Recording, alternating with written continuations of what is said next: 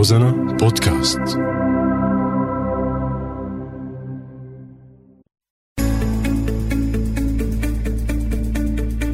سوريات. كافحوا وبإصرار واجهوا حياتهم ومشاكلها. ليكونوا علامة فارقة. تعالوا نسمع قصصهم وهن عم يحكوا لنا كيف تجاوزوا مصاعبهم وحققوا هالنجاح. اسمي نيفين الحوتري. أنا من الغوطة الشرقية وحاليا موجودة بعزاز بريف حلب الشمالي. رئيسة مجلس إدارة في وحدة دعم وتمكين النساء.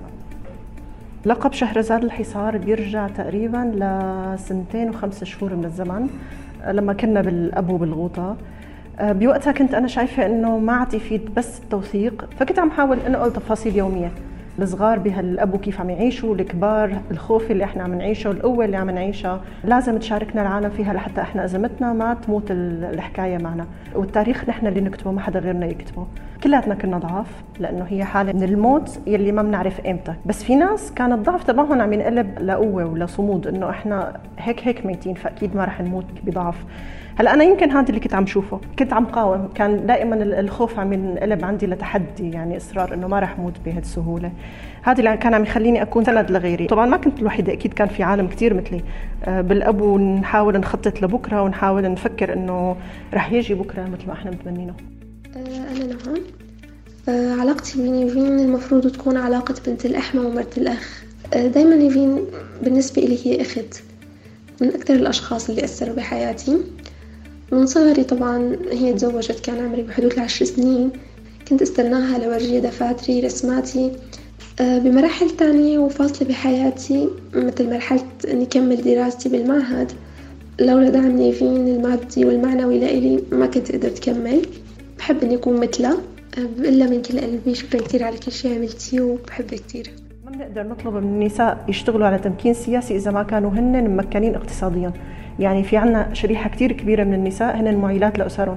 فهن إذا ما كان عندهم مورد اقتصادي هن ما فيهم يتفرغوا للتمكين السياسي أو ما فيهم يتخصصوا بالتمكين السياسي يحترفوه يحسوا إنه إيه فعلا إحنا لنا دور بالتمكين السياسي. فهون أنا بشوف إنه لا إحنا لازم نشتغل على الطرفين إنه إحنا نمكنهم وندعمهم بأدوات تخليهم هن مرتاحين. يعني أنا وقت أكون ممكنة اقتصاديا أو عندي مورد مالي وعندي أدواتي اللي أشتغل فيها فأنا ممكن يكون لي دور. إحنا عم نحاول نحارب المشاركة النمطية أو المشاركة فقط بالاسم. عم نحاول نأهل النساء لحتى هن يطالبوا بهي الأدوار. اسمي عتاب بشتغل بوحدة دعم تمكين المرأة أحلى شغلة وأهم شغلة تعلمتها منها وكنت كثير ممنونة لها هي مسافة الأمان إنه أنا دائما أحط مسافة أمان بيني وبين أي شخص حتى لو كانوا مقربين لإلي. وشغلة جديدة قالت لي إياها هي إنه ما حدا يلوي دراعي يعني فهي الجملة كثير أنا بحبها منها. والشغلة الأهم بالشغل علمتني كيف أنا أطور من حالي أكثر كيف أنا بحول كل شيء طاقات عندي لعمل يعني. إحنا لازم من 40 سنة عم نشتغل على تمكين سياسي للنساء بس ما قبل الثورة كان النظام حاطط خط أحمر سواء على النساء أو على الرجال السياسة كانت خط أحمر. هلا بعد الثورة طالما إحنا طلعنا لحتى نغير أنظمة ونخلص من الاستبداد صار في لنا إحنا حق إنه نشارك سياسيا. ولأنه اليوم إحنا في عنا بلد يعني إذا ما شاركنا ببنائها فإحنا كثير حنكون مهمشين. طب إحنا بدنا نستنى ليوم اليوم التالي لسقوط النظام نقعد نشتغل على حالنا؟ لا إحنا بنفترض امبارح نشتغل لحتى إحنا نكون بنينا لدولة مؤسسات والدولة اللي إحنا حاولنا إنه ننادي فيها.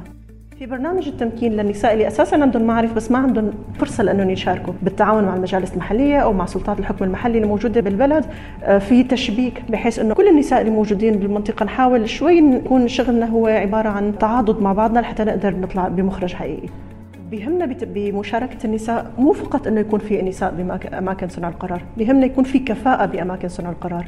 هلأ هي الكفاءة لما تكون هي تنوع بين نساء ورجال آه هذا الشيء اللي إحنا عم نحاول نشتغله. تابعونا بكل حلقة قصة نجاح جديدة بتخلينا نتعرف على سوريا من خلالها.